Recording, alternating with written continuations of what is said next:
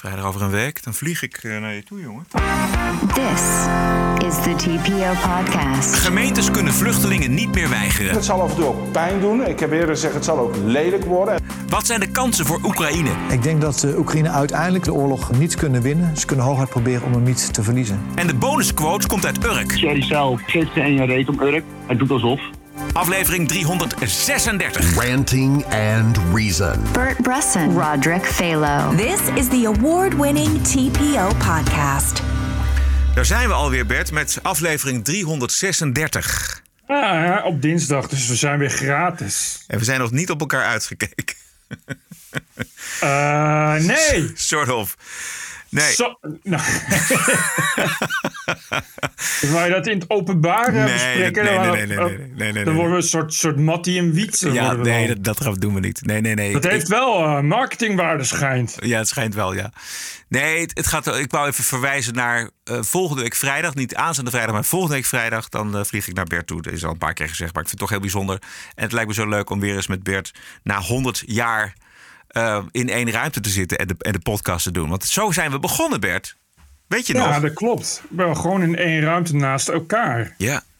Wat wel, eh, wel, wel meer voordelen had. Dat is dan wel weer zo. Ja, dat welke je dan ook. eh, nou, dan zie je eh, oog- en handsignalen en zo.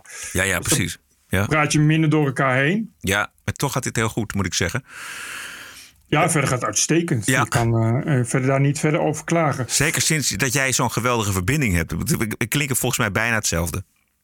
Ja je, hoort, ja, je hoort mij wel iets anders dan jou. Maar dat komt eh, ook waarschijnlijk gewoon omdat ik de, de binnenkom terwijl jij rechtstreeks Ja, dat zou kunnen, spreekt. Dus Ja. ik bedoel, Ja.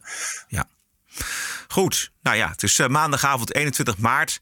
Bijna 3,5 miljoen Oekraïners die hebben hun land ontvlucht vanwege het oorlogsgeweld. Volgens eh, vanmiddag gepubliceerde schattingen van de VN-vluchtelingenorganisatie herbergt Polen zo'n 2 miljoen van hen. Het ANP meldt dat de hulporganisatie die denkt dat er in Nederland 500 gastgezinnen zijn voor 1250 Oekraïense vluchtelingen, inclusief gastgezin nummer 1. Afgelopen vrijdag kwam er een vraag over op de persco van premier Rutte. Ehm, de Belgische eh, eh, koning en koningin die gaan drie Oekraïense gezinnen laten opvangen in hun onderkomens. Ik vroeg me af of de Oranjes ook eh, zulks van plan zijn. Dat is in het verleden overigens al gebeurd. Hè. We hebben, koningin Wilhelmina heeft dat gedaan eh, rondom eh, de Tweede Wereldoorlog. Nee? Was niet zo succes. Jawel.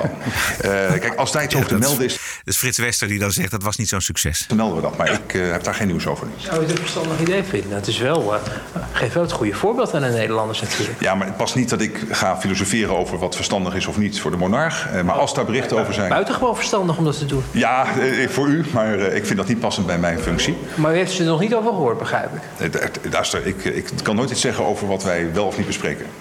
Nee. Ja, ik weet niet wat ik ervan moet vinden. Ik, eh, het, eh, op zich hebben ze, ze hebben vast goed zat. Dus, Zeker. eh, maar ik zou gewoon als ik hun was meteen, meteen eh, 10.000 vluchtelingen opvangen. Kastelen genoeg. Ja. Ja. Dat is, anders kan er nog wel iemand op de boot en zo. Ja. Nou schijnt het zo te zijn, want ik heb er even, toch eventjes in verdiept... dat niet alles wat eigendom is, daar kunnen zij vrijelijk over Klopt. beschikken.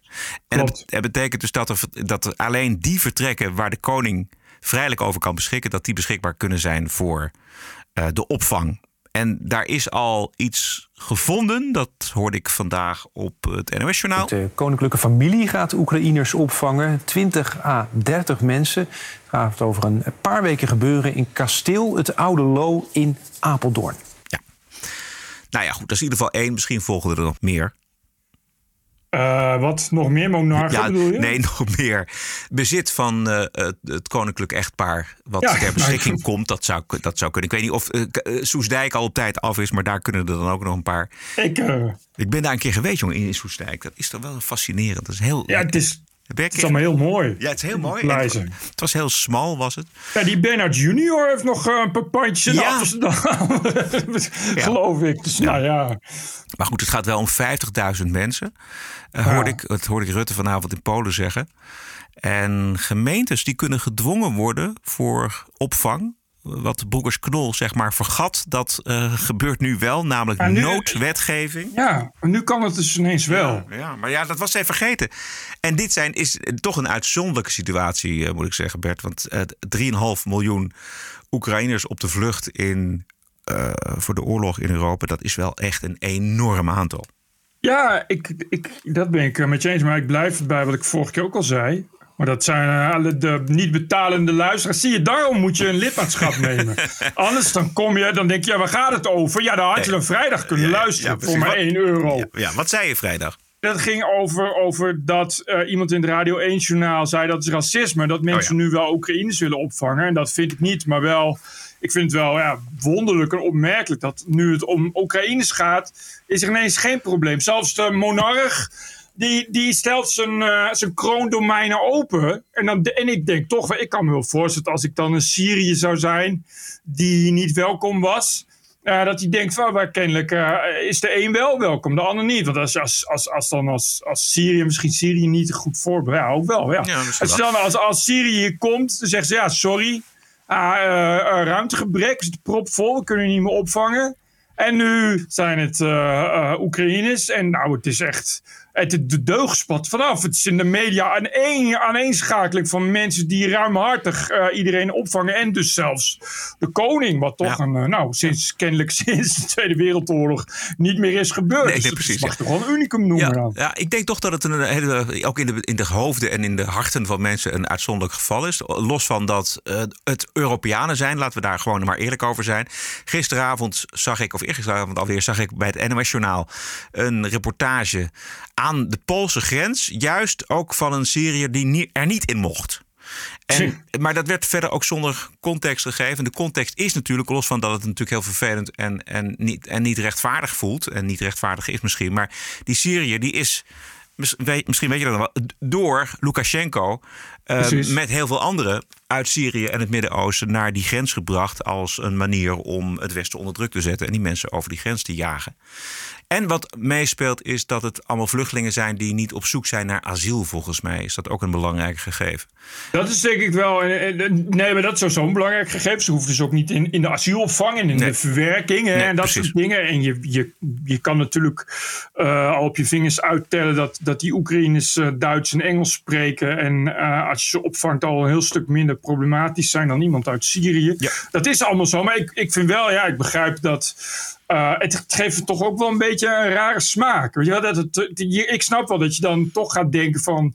Ja, kennelijk wordt er gewoon toch wel onderscheid gemaakt. Als je dan maar die, de juiste persoon bent, dan is er geen probleem. En, maar dan, en vooral dat dan ineens de problemen kunnen worden opgelost. En dat is wel zuur. Het is wel zuur, denk ik. Dat je eh, dan, ja, wat ik zeg, als Syrië of, of, of weet ik veel wat, eh, uit welk land je ook komt, uit Burkina Faso, eh, op een bootje. En eigenlijk weer, ja, toch, toch ja, dit- je komt in een of andere opvang waar je niet meer uitkomt. Of op een kamp op Lesbos, weet ik veel wat. En als je dan zegt van, hoezo dan? Weet je, wil je maar niet medemenselijk opvangen? Dan zeggen die landen, ja, sorry, we hebben daar gewoon geen ruimte voor. En dan nu ineens, geen enkel probleem, kom maar binnen. Maakt nou, niet uit. geen enkel probleem, dat is het niet helemaal. Maar ik, ik, ik, ik, ik begrijp precies wat je zegt. En, Ja, ik- en ja, ik, ik, ben, ik ben het met je eens. Ehm, ik zit te bedenken waarom dat nou zo is. Ook omdat het misschien een noodsituatie is. Nood dus, dus, kijk, we hebben natuurlijk in, in Europa voortdurend te maken met asielstromen. En eh, uit het Midden-Oosten, uit Afghanistan, et cetera. Als je, dat, als, je, als je die met dezelfde open deur behandelt, dan is het binnenkort, ja, dan, dan, dan, is, het, dan is het Nederland gewoon vol binnen, binnen drie jaar. En dit is dan Ja. zo'n uitzonderlijke situatie waar je dan verder niet anders mee kan. En in de hoop misschien dat die mensen dan toch teruggaan. Nou goed, of terug kunnen op een gegeven moment. Ja, nou ja, en maar goed, en dan vind ik dat van dat Koningshuis, denk ik, het is ook wel, eh, ja, ik weet niet of het, of het allemaal zo, zo oprecht is. Het is wel een beetje, vind ik, eh, wel al te makkelijk, eh, ja, dus, dus laten zien hoe geweldig je bent, toch op konto van, van die vluchtelingen. Snijdt het mes dan niet aan twee kanten? Is dat niet ook en fijn voor de vluchtelingen? Ja, nee, dat is heel fijn voor de vluchtelingen. Maar ik zou dan, dan zou ik tegen de koning willen zeggen: ah, kennelijk kun je daar mensen opvangen. Eh 30 mensen, wat zei je? Ja, Eh, 30. nou, d- als dan die Oekraïners weg zijn, vangen dan gewoon ook weer 30 Syriërs op. Ja, ja, ja precies. Zoiets, je- ja, zoiets zegt eh, Herbert Bruls, burgemeester van Nijmegen en voorzitter van de Veiligheidsraad. Zei hij vanavond in het NOS Journaal. Het zal af en toe ook pijn doen. Ik heb eerder gezegd, het zal ook lelijk worden. Er zullen echt keuzes gemaakt moeten worden. Waarbij je niet kunt permitteren zeggen, ik wil wel een Oekraïner, maar geen Syriër. Het zal en-en hen moeten eh, eh, zijn. Eh, ik denk ook dat het heel verstandig is dat het kabinet nu noodwetgeving aan het voorbereiden is. Omdat we in een enkel geval, vrees ik ook wel, echt eh, met eh, gedwongen moeten zeggen van nou hier gaan we nu toch huisvesting realiseren. Ook al willen u dat niet, ook al willen een individuele gemeente dat eh, niet, of willen een aantal buurtbewoners eh, dat niet. Dat soort scenario's moet je nu ook gaan, eh, gaan voorbereiden. Ja, precies. Nou, dat, dat vind ik wel echt goed. Want, oh, want, want ja, anders krijg je dus. Want ja, je, en- of je moet, en dat vind ik ook goed, maar dan moet je het gaan zeggen. Dan moet je gaan zeggen: ja, ik, ik wil alleen Oekraïners. Want ja, eh, Syriërs, ja, maar die, dat zijn moslims en die komen uit die cultuur en, eh, die ik niet bevalt. En dat gaat natuurlijk nooit iemand hardop zeggen. Laat staan, eh, laat staan onze koninklijke hoogheid. Maar ja, het is wel een beetje het punt wat je dan krijgt, inderdaad. Dan moet je ook gaan zeggen: ja, maar dan. Ah, Omdat je dus aangeeft, ik heb geen probleem. Ik heb kennelijk vastgoed waar ik die mensen kwijt kan. Nou, mooi.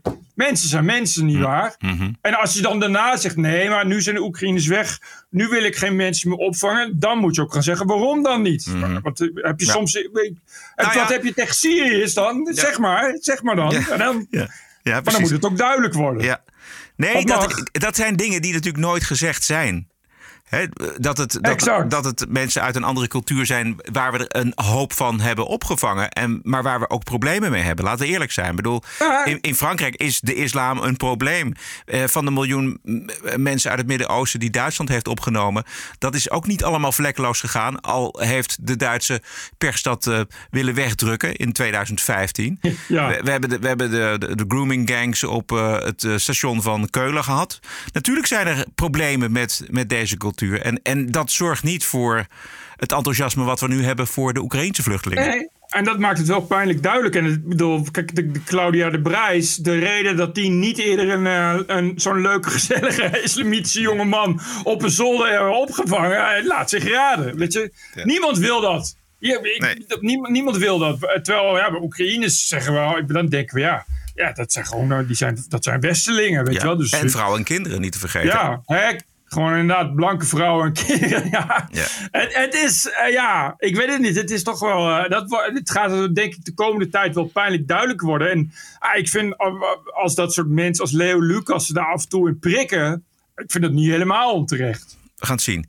Oorlog dan. De Russische invasie en het doel daarvan zijn mislukt. Dat concludeert het Amerikaanse Instituut voor Study of War afgelopen weekend. Dit instituut maakt elke dag een gedetailleerde analyse van de krijgshandelingen. En er lijkt na drie weken vechten een padstelling te zijn ontstaan. Veel vooruitgang zit er niet meer in, in die Russische opmars. Wel worden steden nog steeds gebombardeerd. Buitenwijken van Odessa zijn vanuit de Zwarte Zee vandaag beschoten. Dat had ik nog altijd wel gezien willen, willen hebben, die, dat, die stad Odessa, Ja, zo- Zo'n mythische stad is dat Precies, ook. ja, Zo'n zo'n mythische naam. eh. Ja, die stond op mijn bucketlist. Dat is, ik, heb er een video, ik, heb ik, ik had de video, had ik al. maar ik wilde, er, ik wilde er zo ontzettend graag heen. Het is inderdaad, het schijnt een prachtige stad te zijn voor wie er geweest is. Ja, nou niet meer. Nou ja, nog even nog wel. Laten we hopen en afkloppen dat dat zo blijft. Ik zag wel dat het standbeeld van Catharina de Groot helemaal is ingepakt met zandzakken. Ja, ja, ze hadden inderdaad al die kunstschatten hadden ze al eh, de voorzorgsmaatregel ingepakt. Maar ja, als je ziet hoe het in Mariupol gaat, Oh dan, my eh, god, man. blijft er weinig over, denk ik, vrees ik straks. Wat is het nou, Bert? Dit is, dat is toch pure Ja. vernietiging? Dat is, dit is toch Ja. Aleppo? Dit is toch Grozny? Ja, welkom bij, eh, welkom bij de Russische krijgsdoctrine. Ja, Ja, ja. en, en ja, terwijl ze zijn nu ook al, de- hij is nu ook al eh, een, een onderadmiraal kwijt, zelfs. Oh ja? Oh ja, van Ja. zee. Jezus, Mina. Ja. De- het is, dat zijn eh, toch wel hele hoge rangen die je niet kwijt wilt. Eh, dus hij zal steeds woedender zal die, zal die, gaan reageren, vrees ik. Ja. Het gaat wel echt inderdaad niet goed. Ik begrijp ook niet, hij is al heel veel generaals kwijt. Wat sowieso al heel raar was, omdat je niet verwacht dat je generaals zeg maar, aan het front zitten. Dus je vraagt je af waarom die in vredesnaam zo, allemaal zo massaal Ja. worden omgelegd. Wat daar misgaat.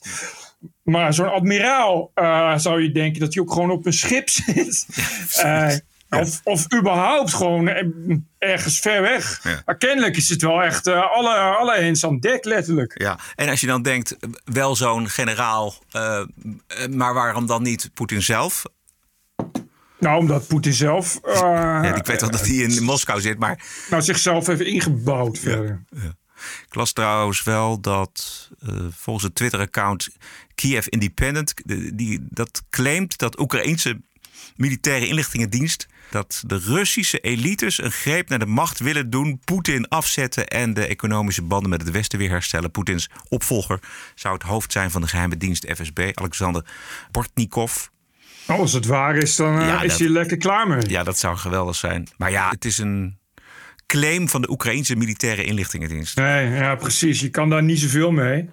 Eh, anders dan dat het natuurlijk voor de hand ligt dat er zoiets wel een keer gaat gebeuren. Ja, dat is bedoel, ja, je- ja. Ja, ja. Als, je zo, als je inderdaad allemaal vijanden maakt in je omgeving en iedereen is bang van je en iedereen denkt dan is er vast één iemand. Want het zijn, dat is namelijk het fascinerende, weet je. Het zijn allemaal mensen die behoren tot de inner, inner, inner circle van Poetin. Ja, maar is- het, die, al die oligarchen. Kijk, het enige wat die mensen wil is op een eh, exorbitant veel geld verdienen. Ik heb niet de illusie dat veel van die oligarchen daar verder enige moraal bij hebben of zo. Dat het verder veel kan schelen. Anders dan dat ze zo snel mogelijk weer terug willen dat ze weer normaal handel kunnen drijven. Maar zou het hier niet gaan om, eh, eh, zeg maar, mensen van de geheime dienst, militaire adviseurs, niet de oligarchen, niet de zakenmensen, maar juist die andere groep mensen die hij vanuit tactisch en strategisch open nodig heeft? Ja, maar die staan in verband met die oligarchen. Je, volgens mij, je bent daar oligarch omdat je eh, A, goede vriend bent met Poetin... en B, Ja, ja. goede vriend met, met de belangrijkste mensen op de juiste posities. Als jij tegen al die belangrijkste mensen op de juiste posities kunt zeggen... dat je eigenlijk wel van Poetin af wil... is dat iets wat vanzelf een keer gaat gebeuren natuurlijk. Ja. Want die sancties, ja, die hakken natuurlijk, natuurlijk Ja, keihard in. En, en je, wat ik zeg, die, die mensen geven verder, verder geen zak om Poetin zelf. Poetin zelf was voor, voor hun altijd eh, de juiste man op de juiste plaats. Om, om die miljarden binnen te halen. Ja. En dat is, dat is nu omgekeerd. Dus ze zullen inderdaad allemaal heel graag van Poetin af willen. En dat zal eh, toch voor een hoop meer mensen gelden. Ja. Ik weet natuurlijk niet, ja. In, kijk, het leger, daar zit natuurlijk ook een hoop lui die loyaal zijn. Dat toont ook wel, kijk, dat toont wel aan die generaals en die hoge rangen die sneuvelen. Dat toont hun loyaliteit. Dit zijn mensen die bereid zijn om, daar, om daarvoor te sneuvelen. Maar ik, ik betwijfel of dat, of dat in eh, alle gelederen, hè, bij, de, bij de FSB bijvoorbeeld zo is. Maar zeker omdat hij natuurlijk nu dat hele land eigenlijk aan het afbreken is. We hebben het over Rusland zelf. Weet je, de, Ja. economisch, de toekomst is onzeker. Het is alleen maar vervelend. Ja, Ja. En, en het enige wat hij daar tegenover zet is een. Is, is nationalistische retoriek en eh, voortdurend leugens verspreiden dat het allemaal, eh, nou ja, dat ze op de goede weg zijn. Ja, maar dat interesseert ze dus geen zak. Wat hij nu doet is alle resources opmaken. De Russische economie en de Russische, eh, de Russische defensie is niet heel erg berekend ook op een langdurige uitputtingsoorlog. Ja. Dus, dus er zit helemaal niks tegenover. Ook niet een eh, snelle winst of een snelle opbouw. Dus het is helemaal. Ik, ik, ja, ik, ik, ik eh, trek het allemaal maar uit mijn duim. Ik ben Nou. eh, geen Dirk Sauer of zo. Weet je? Dus ik, ik- er zijn mensen, Pieter Water drinken, weten vast veel meer van dan ik. Maar, maar ik kan me niet voorstellen dat er heel veel mensen nu nog erg blij zijn met Poetin. In elk geval niet op de belangrijkste posities. Dus, dus inderdaad eh, de rijke, de rijke elite. Ja, precies. Goed om even te zeggen, we zijn niet de deskundigen, maar wij zijn van de common sense. Wij, we, we- we- Ja, meer logica. De inderdaad. logica, precies. Laten we even kijken naar wat winnaars en, en, en de verliezers op het slagveld. Ik bedoel, het is duidelijk dat de grote verliezers natuurlijk... dat zijn eh, de Oekraïners zelf. Maar ik zag eh oud-commandant van de strijdkrachten Mart de Kruif natuurlijk op televisie. Die is niet meer, Ja. die zit er voortdurend. En een vraag van Jeroen Wollaars afgelopen zaterdag. Kan Oekraïne deze oorlog nog winnen? Wetend wat er daar dreigt voor die troepen in het oosten. Wetend dat die aanvoerlijnen van eh, westerse wapens toch steeds lastiger worden. Ik denk dat eh, Oekraïne uiteindelijk tegen het grote geweld wat ze nu krijgen... de hele Russische oorlogsmachine zit eigenlijk nu tegen hen... dat ze de oorlog eh, niet kunnen winnen. Ze kunnen hooguit proberen om hem niet te verliezen. Ja, Ja, daar zegt hij iets heel slims. ja. En dat is wat anders dan winnen, niet verliezen. En dat, dat is dus een uitputtingsslag. Dat is dus net zo lang doorgaan tot eh, Poetin het opgeeft. Tot hij, hij niets meer heeft. ja, dat hij zin heeft om te onderhandelen. Dat is eigenlijk nu wat er, nog niet, wat er nu nog niet gaande is. Bij Nou buiten... ja, ik, ik geloof dat, dat de Oekraïners ook geen... eh, die hebben wel volgens mij de laatste onderhandelingen weer nee gezegd. Ja, Dus ja, ja. die willen het ook niet opgeven. Maar dat is inderdaad... eh, ja, we, we- Winnen, ja. eh, verliezen.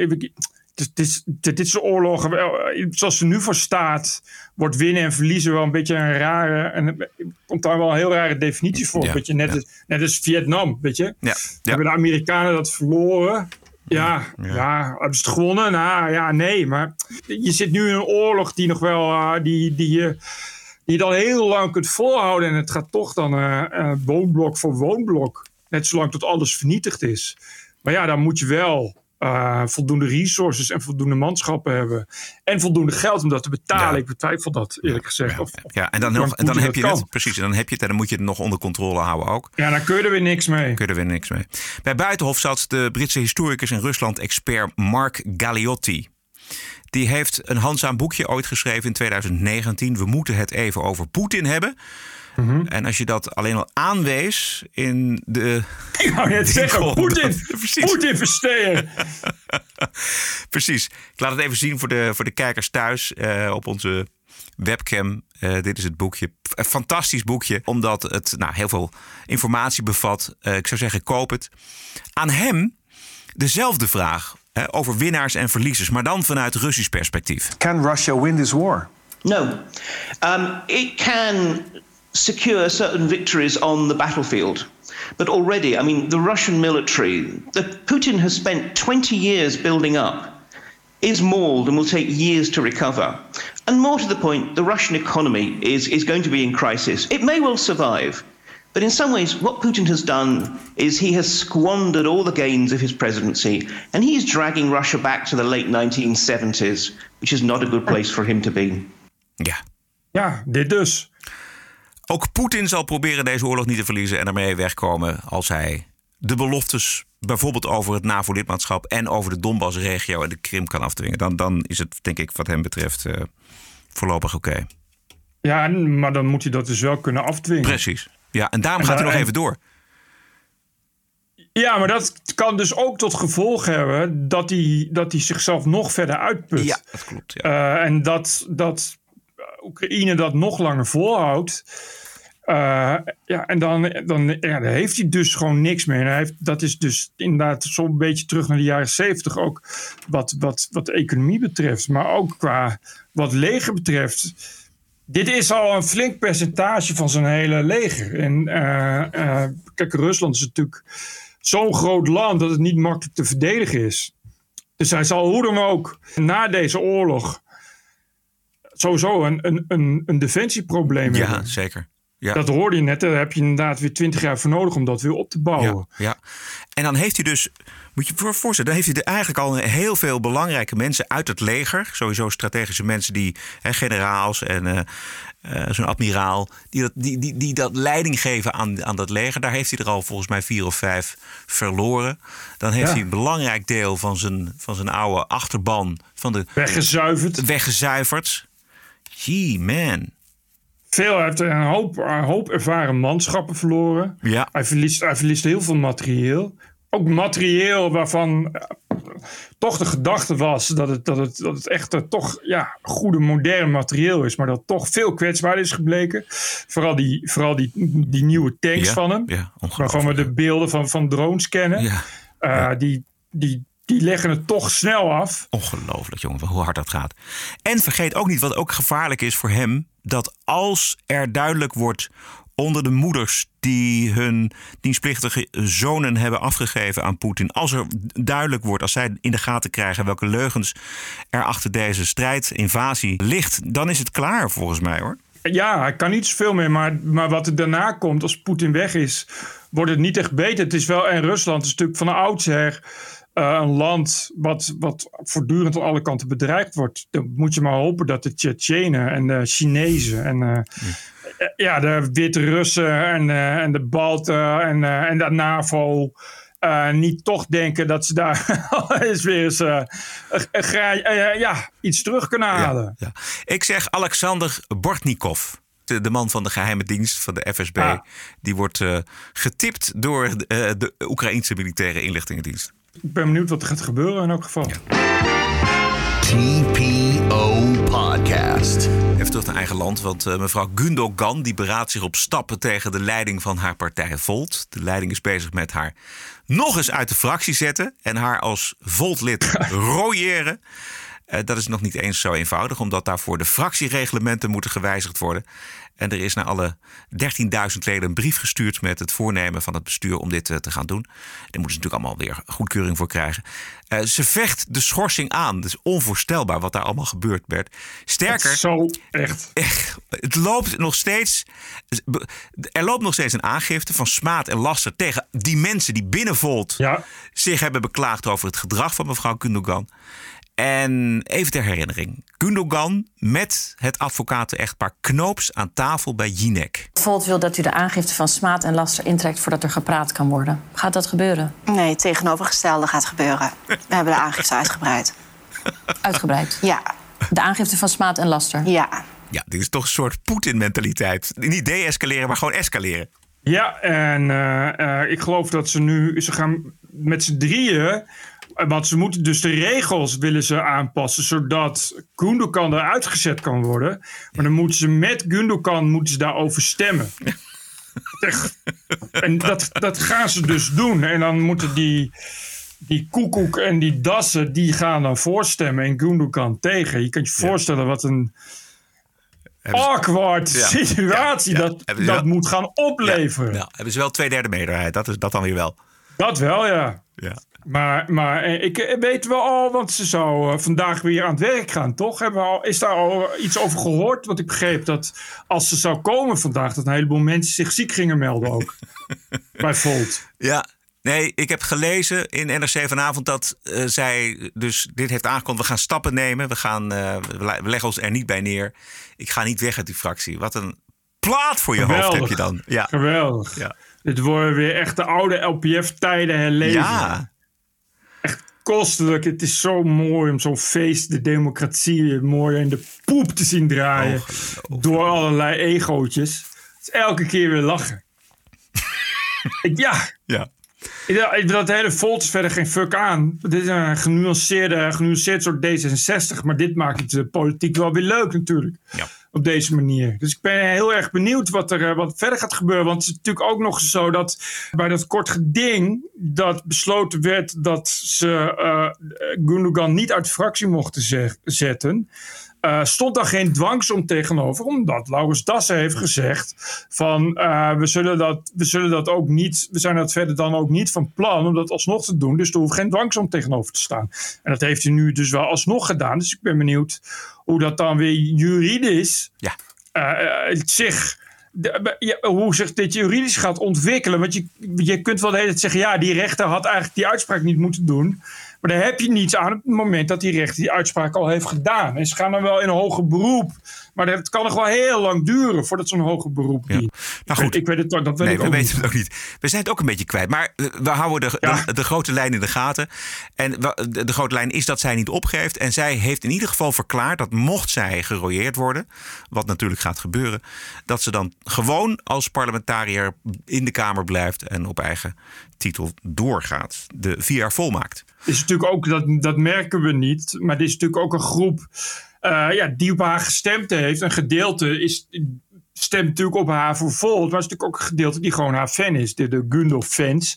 Eh, en die blijven er natuurlijk gewoon, gewoon bestaan. En we hebben gezien hoe zoiets met Denk kan, kan aflopen. Bedoel, Die kunnen wel een, een bevolkingsgroep aanboren die op Nee, hen ja, stemt. Dat wordt lastiger bij Gundogan. nee, ja, maar goed. Ja, maar en, en de, het clubje, dat wou ik nog even gezegd hebben, dat het clubje fans van Gundogan binnen de partij ook wel enigszins is uitgedund, omdat daar natuurlijk een hoop mensen Ja, tussen zaten ja, ja. met wie zij eh, seksuele avances in haar hoofd had. Die zijn en, en al in de letterlijk op hun, billen, op hun billen getikt. Dus ja.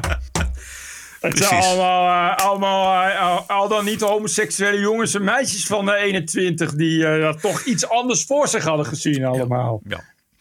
Goed, hebben we nog een ander politiek dingetje zometeen. Twee keer per week de TPO-podcast op dinsdag en op vrijdag. Twee keer per week. Ranting and Reason. Al vijf jaar lang op dinsdag voor noppes. En dat blijft ook zo. Maar de vrijdagshow is nu exclusief voor leden. Voor 4 euro per maand of 40 euro per jaar. De TPO-podcast. Twee keer per week en maar één keer betalen. Elke week de vrijdagshow voor maar 4 euro per maand. Keep the show running. Ga naar petje.af slash TPO-podcast. Ja, niet vergeten. Op de Twitters werd aangekondigd een interview van de baas van uitgeverij De Blauwe Tijger in Groningen, Tom Zwitser, met FVD Tweede Kamerlid Thierry Boudet. Dus ik naar die website van De Blauwe Tijger. Want hij was wel op YouTube, maar daar was hij alweer afgekinkeld. Dus De Blauwe Tijger, daar was hij nog te zien. Gekeken, dat gesprek. Uh, het interessante is dat je zo wel een inkijkje krijgt in de complotgedachten van laten we zeggen, wezenloos rechts. En dat nu dit Oekraïne-verhaal opkomt, dat, dat is inderdaad een totale afleiding. Um, maar er is ook heel veel over te zeggen. Is Poetin maar... daarin ingetrapt? Of, of, of ja, ja. Hij, hij, ja, hij had ook zoveel redenen om dat, misschien al een jaar eerder dat land binnen te vallen. Of, of juist om het helemaal niet te doen. Maar goed, ja, het, het, ook dit weer. Dit, dit wordt gebruikt als afleiding. Ja, dit is dus wat ze zeggen. Zij beweren dus dat Poetin in het complot van de Great Reset zit en deze oorlog heeft ingezet als afleiding. Dat de mensen het over de oorlog hebben en denken dat die COVID dat het COVID-complot dat dat achter de rug is. En achter hun rug wordt dan een nieuw virus gemaakt. En er worden bepaalde uh, rassen dan in dat. Ja. Ze leggen het zelf hartstikke goed uit. Want zo meteen krijg je misschien een echt groot zwaar virus. Um, ja, ze kunnen dus, dat weten we gewoon Ze kunnen niet. dit soort virussen kunnen ze gewoon ontwerpen. Zodanig genetisch gemodificeerd dat ze aanslaan op een bepaald menselijk ras. Hè, dus op de Russen of op een bepaald type Rus. Dat is, echt, dat, dat is geen, geen, geen Of alleen op gevaccineerden. Of alleen op ongevaccineerden. Exact. Is, hij zegt er nog bij, dit is geen complottheorie, dus dat zal ja. het wel waar zijn. nou, anders zou hij dat er niet bij zeggen. Ja, bedoel, uh, ja. ja. ja. kennelijk, uh, het is goed dat hij daar geen bewijzen voor heeft. want het is een beetje al te driest. Op het moment dat je moet gaan bewijzen, kom je al snel in de sfeer van de mainstream media, die natuurlijk worden gesubsidieerd door Soros en het WEF. Dus het is goed dat het allemaal uh, geheel niet onderbouwd en zonder ook maar enig bewijs over tafel gaat. Dat is wel het makkelijkste. Het, het, gevaar is nog lang niet geweken. Dat is de boodschap zeg maar, van, hun, van hun allebei. En een Russisch ras, ja, dat is ook best wel lastig. Omdat Rusland dat al honderden jaren een lappendeken van etniciteiten is. Hoe ziet dat er dan uit? Hoe, ja. hoe, hoe, target je dat dan? Weet je, op, op, wat is dan precies zeg maar, de grens tussen Russisch ras en niet-Russisch ras? Want als je dan van Oekraïne naar de Oeral gaat... Ja. Het is een beetje nogal een verschil. Maar goed, dat zal, uh, die uh, knakker van de blauwe tijger, die weet dat natuurlijk allemaal. Ja, die heeft dat. Ja, Tom Zwitser. Tom Zwitser. Eén, één dingetje, nog een klein dingetje. Want uh, het gaat over hun adoratie voor Poetin en Lavrov. Hun kennis van het staatsrecht van deze twee mannen Poetin en Lavrov. Hun statuur, dat vinden ze geweldig. Uh, zeker tegenover mensen als Rutte en Hugo de Jonge. In de Nederlandse media uh, wordt dat niet zo uh, gebracht. Maar Lavrov en Poetin hebben in het verleden heel vaak enorme persconferenties gehouden. Ja, urenlang. Enorm. En ehm, dat was waanzinnig. De, de, de, historische overzichten die ze gaven, de, de, argumentatie, staatsrechtelijke kennis die ze bezaten. Dan, dan pas zie je echt dat mensen als Lavrov en Poetin. Ja, dan, die hebben echt wel een idee. Ja, dit is ook zo mooi dat, dat ze die, dus die kennis, die staatsrechtelijke kennis, zo mooi in praktijk brengen deze afgelopen weken. Ja. Maar die hebben ook statuur. Ja, hè? Als je dan een. Sorry? Ja, nee, ik, ik ga door. Ga een Rutte en een De Jonge ziet, dat zijn echt... Ja, dat is even wat anders. Dat is heel anders, ja. ja. Mensen ontberen eigenlijk het vermogen om lange lijnen te zien. Uh, en dat is het fijne van uh, staatsmensen als Lavrov en Poetin. Ja, omdat die wat langer zitten. Ja, ook. Die zitten heel lang. En ik denk dat dat daar ook wel een noodzaak is. Maar dus je merkt sowieso aan Russen en ook aan Chinezen... dat ze heel erg fijn vinden om, uh, dat politiek stabiel is. Dat er een, stabiel klim politiek klimaat in zo'n land is. En dat leiders niet een vierjarenplan hebben tot aan de volgende verkiezingen... maar gewoon een dertigjarenplan ja. met het land. En dat is wel iets wat ontbreekt bij ons ook, hè? Ja, zo, zo. Je hoort eigenlijk Thierry Baudet nu zelfs een beetje uh, twijfelen. Ja. Die gaat gewoon, uh, die, want die, die Zwitser, die gaat er gewoon nog even, even Ja, dit is wel Jens keer tien. Ja, Gaat ja, hij er overheen? ja. Je Ja. ziet hier, hoort die Baudet hoort steeds stiller worden op de achtergrond. Ja. Wat ik ook mooi vind is dat Tom Switzer eh, eventjes anderhalf miljard Chinezen langs gegaan is om te vragen of ze het wel fijn vinden. Zo. Ja. Maar dat is eh, al wel 140 miljoen Russen. Dan kun je net zo goed anderhalf miljard Chinezen. Het is voor iemand als Tom Zwitser wederom geen enkel probleem. Zolang er maar geen bewijzen voor zijn, want dan wordt het te moeilijk. Ja. Wat we hier horen zijn toch twee mensen in hun eigen complotbubbel en hun mateloze bewondering voor twee slagers die zoveel mogelijk aan gort schieten heden ten dagen. Een van die twee is een eh, Nederlandse volksvertegenwoordiger. Daarom laten we het horen. Ja, precies. Ik wou net zeggen. Dat, dat mensen dat vinden, dat ik bedoel, Ja, de- prima. internet wemelt van die Ja. gekken. Eh, en verder, die, die Tom Zwitser heeft een uitgeverij, maar de boeken die hij uitgeeft, hoef je ook niet per se. eh, inmiddels wel, er zitten natuurlijk eh, ook weer een hoop complotboeken bij, maar eh, ja, verder eh, keurige boeken, boeken zijn boeken, zou ik maar zeggen. Maar ja, een van de twee is toch volksvertegenwoordiger. Ja. Met, met eerst, eerste en tweede Kamerleden en gemeenteraadsleden. Behalve op Urk. Precies, en behalve in Groningen. maar wel wat gemeenteraadsleden. Dus ja, het is toch, toch goed als mensen daar hier dan kennis van nemen. Ja, denk ik. daarom, daarom. Precies. TPO Podcast. De TPO-podcast wordt je twee keer per week aangeboden op dinsdag en op vrijdag. Dat kunnen we alleen dankzij jou. Jouw donatie of je abonnement via petje.af. Ranting and Reason.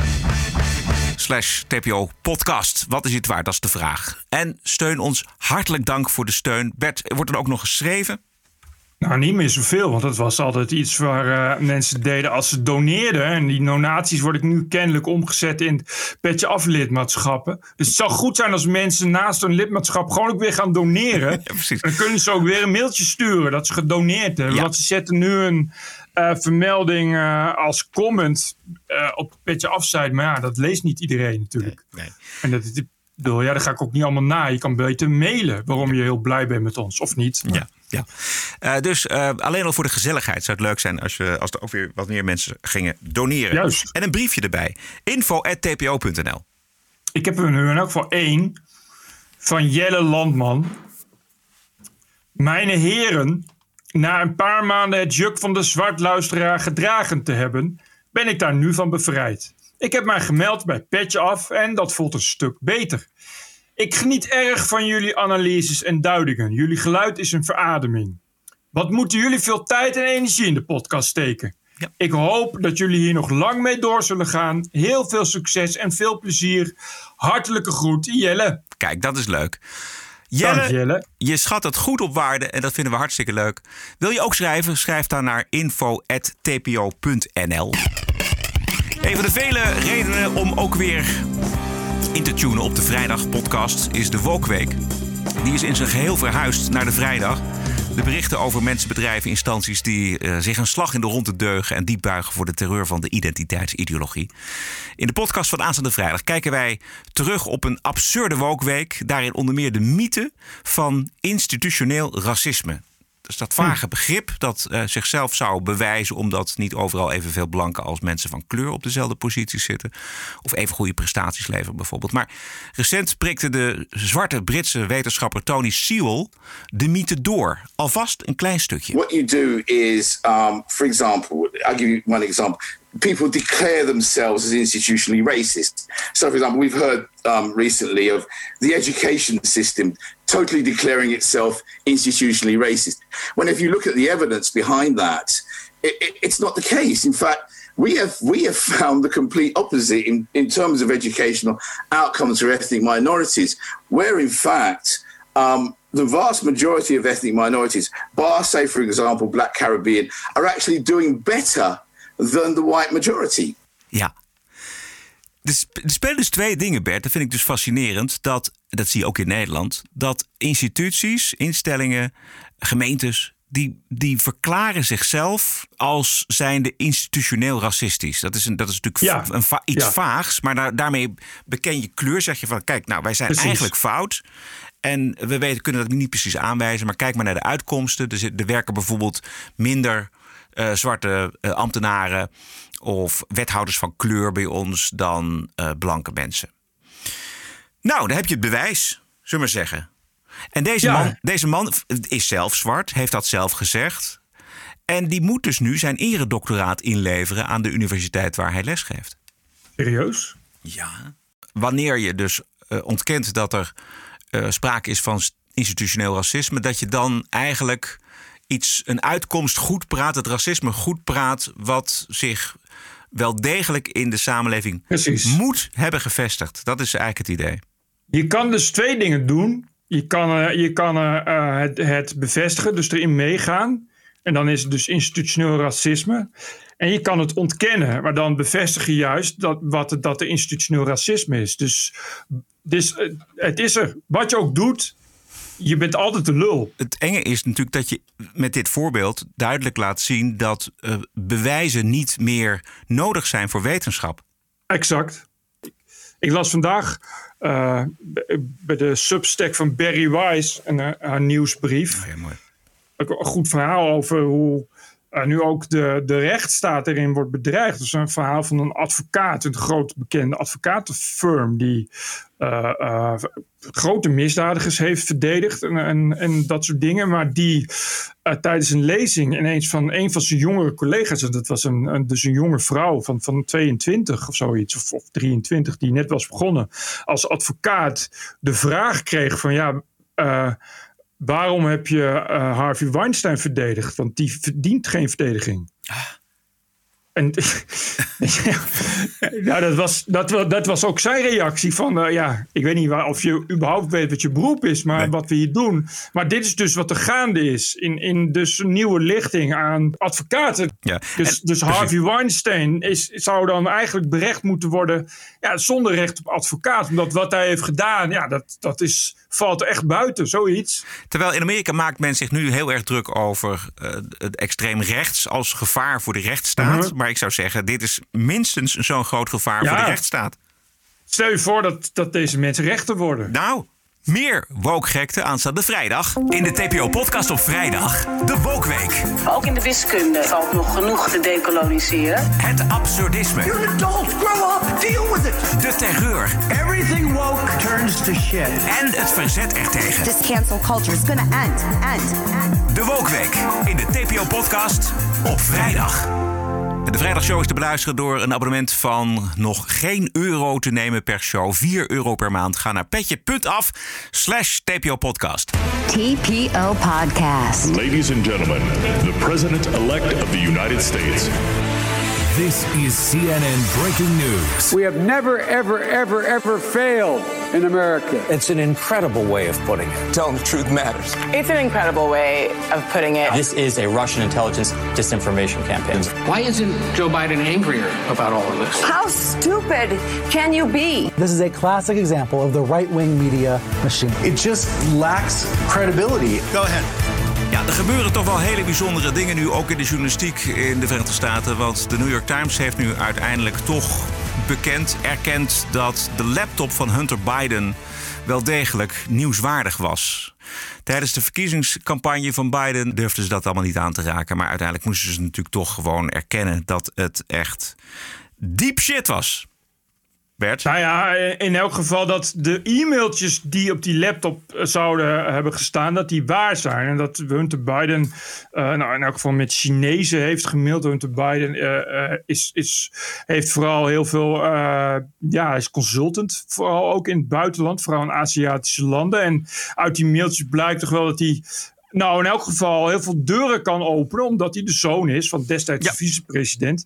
Ehm, of dat, of dat oké is, ja of nee, is dan weer wat anders. Maar dat werd in elk geval destijds naar boven gehaald als, als iets eh, eh, van, nou, dit hebben we op de laptop van, van Hunter Biden gevonden. Nou, en de, eh, destijds waren het dus eh, presidentsverkiezingen. En het was natuurlijk de Washington Post en de New York Times en CNN en eigenlijk al die andere zenders. Natuurlijk kwam dat niet zo heel erg gelegen om de zoon van de man die van Trump moest gaan winnen, om die, ja, om die in, in, in slecht daglicht te stellen. Dus toen hebben ze maar hard geroepen dat het waarschijnlijk wel Russische desinformatiecampagne kan zijn. En er is helemaal niks bekend over die laptop en weten het allemaal wel zeker. En het kwam ook nog eens via Rudy Giuliani. Dus hoe kwam hij Is het niet fake, et cetera, et cetera. En nu blijkt toch dat uh, is nog niet over die, over die laptop en, en hoe ze aankomen, is nog steeds niet zo heel veel duidelijk. Maar in elk geval dat die mailtjes, dat die berichtgeving die daaruit voortkwam, dat die echt is, ja. Dat deel van de journalistiek, CNN hebben we het gezien zien doen. We hebben het, nou ja, eigenlijk alle progressieve media zien doen. New York Times ook. Hoe bewijs je dat, dat hun beweegredenen waren om Biden niet te schaden? Ja, niet. Niet, nee. Dat, dat kun je niet bewijzen, maar wat je wel kan bewijzen... is dat ze, dat ze in elk geval uh, slecht gehandeld hebben... door er helemaal niets mee ja. te doen. Of door alleen maar te roepen, het is fake. Want ze hebben ook niet, het is ze ook niet gelukt om dan het tegendeel uh, te bewijzen. Precies, en dan is het precair dat, dat toch achteraf vervelende informatie voor de, voor de presidentskandidaat is. En dat ze het ja, wel op een precies. heel bijzonder moment negeren, dit nieuws. Nee, ja, precies. En, en dan kun je dus nu concluderen dat uh, de media dus in elk geval verzaakt op het moment dat het ertoe doet. Want Juist. onpartijdige media zouden juist uh, uh, ook, ook als, je, als je heel erg graag wilt dat Trump verliest en Biden wint. Ja, nieuws is nieuws. Op het moment dat je dat de zoon van, van die presidentskandidaat.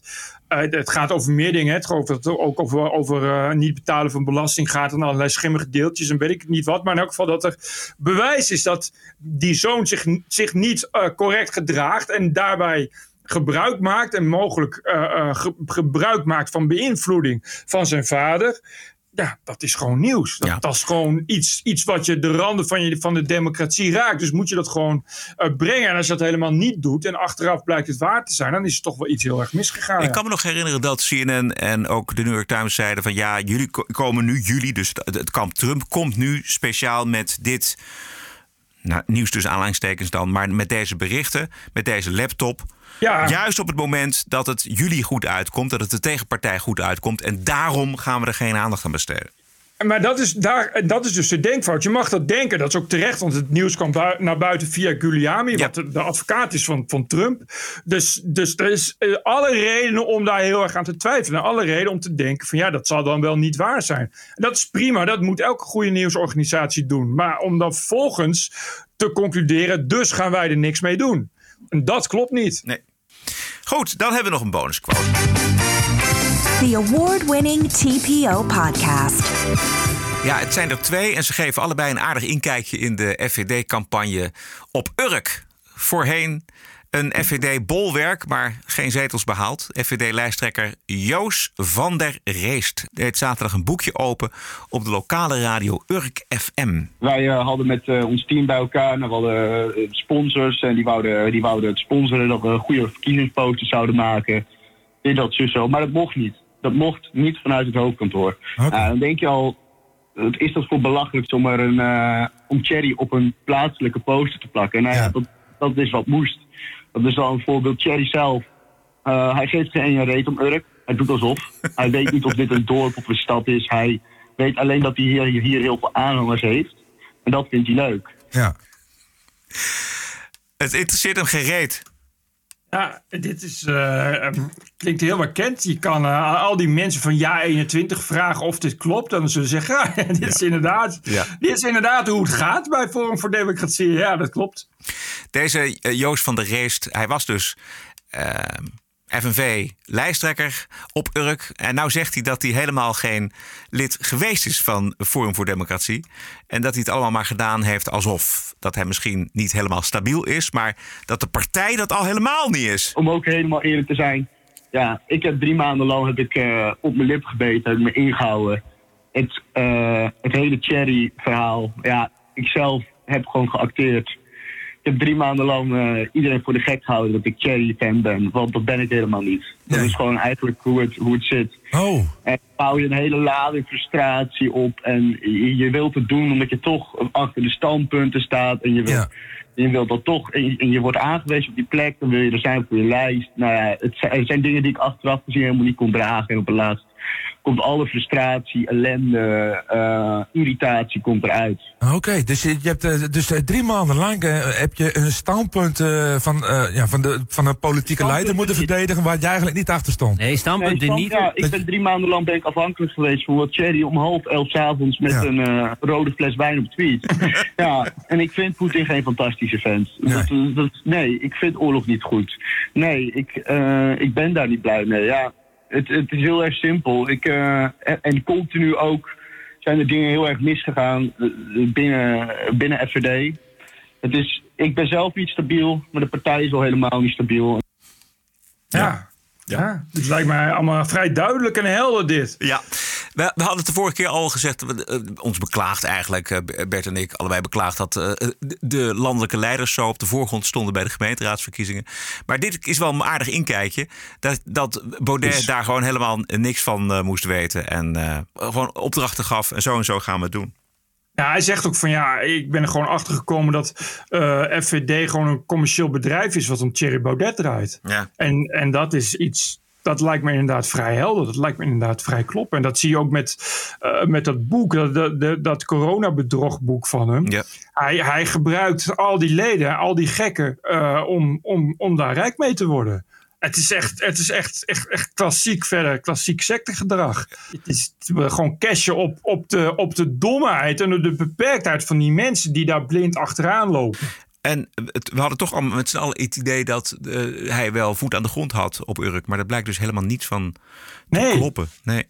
Nee. Nee, dat, is, dat begrijp ik ook. Eh, hij had ook gezegd, had ook gezegd van eh, als, ik, als ik vijf zetels haal of zo, of de, dan eh, kom ik hier wonen. Want ik vind Urk is echt Oh ja, fantastisch. vreselijk, vreselijk, ja, ja. En hij had op, er was een, eh, dat vertelde die jongen, een, een, was een campagnedag en dan zouden ze vis gaan eten, gebakken vis gaan eten bij, bij visafslag. Nou, dat was allemaal geregeld en zo. En toen kwam, kwam hij daar samen met Thierry en toen zag Thierry dat er te weinig mensen waren. Dus toen wilde Thierry daar niet meer vis eten. Ja, Wat echt, Er zit helemaal niets integers aan. Dat is helemaal... Het is nee. onvoorstelbaar. Ja, en dan denk ja, die lui hebben 50.000 leden. Je mag toch hopen dat ook die 50.000 leden op een dag een beetje wakker worden. En zien dat ze, dat ze niets meer zijn dan gewoon een pion in, een, in het grote Thierry Baudet-spel. Ja, ja. Ondersteuners, financiële ondersteuners van de leugens van Baudet. Absoluut. Wie het hele verhaal en de hele uitzending wil horen, ga naar Geen Stijl, want daar is hij te vinden. Deze uitzending van Urk FM. Goed. Yes. Elke dinsdag en vrijdag online via je favoriete kanalen. Vergeet je abonnement niet voor de vrijdagshow. Je steunt de TPO-podcast al voor minder dan een euro per aflevering of 4 euro per maand. Je krijgt daarvoor twee keer per week de podcast met in de vrijdagshow de one and only Wokweek. Ons ondersteunen met een abonnement, dat doe je door na deze podcast onmiddellijk te gaan naar petje.af slash TPO podcast. Doe dat nou, want anders komt er weer iets tussen in je drukke bestaan. Wij weten maar Ja, al te ja. goed hoe dat gaat. Meteen doen, dan steun je ons, je favoriete podcast. Je, je kan ook gewoon met Ideal betalen. Ja. Als je eh, wilt doneren, kan dat ook. En eh, alles kan daar. Dus het is eigenlijk geen reden om niet sowieso even naar die site te gaan. Om even te kijken wat er is überhaupt. Ja, precies. De grootste podcasts zitten op petje.af. En wij dus ook. Dus eh, wil je ons ondersteunen en wil je genieten van de vrijdagshow met de Wokweek? Ga dan naar petje.af slash TPO podcast. Ja, of gewoon www.tpopodcast.nl. Dat kan ook, dan kom je daar ook. Heel veel dank in ieder geval. Ik zou zeggen, stay cool. En tot vrijdag! TPO Podcast. Bert Bruson, Roderick Balo, Ranting and Reason. Beste podcastluisteraars, tot vrijdag. Podcasting is the TPO podcast in the Netherlands. Bert and Roderick. What a show. I'm telling you. In de TPO-podcast op vrijdag, de Wokweek. Ook in de wiskunde valt nog genoeg te decoloniseren. Het absurdisme. You're an adult, grow up, deal with it. De terreur. Everything woke turns to shit. En het verzet ertegen. This cancel culture is gonna end, end, end. De Wokweek in de TPO-podcast op vrijdag.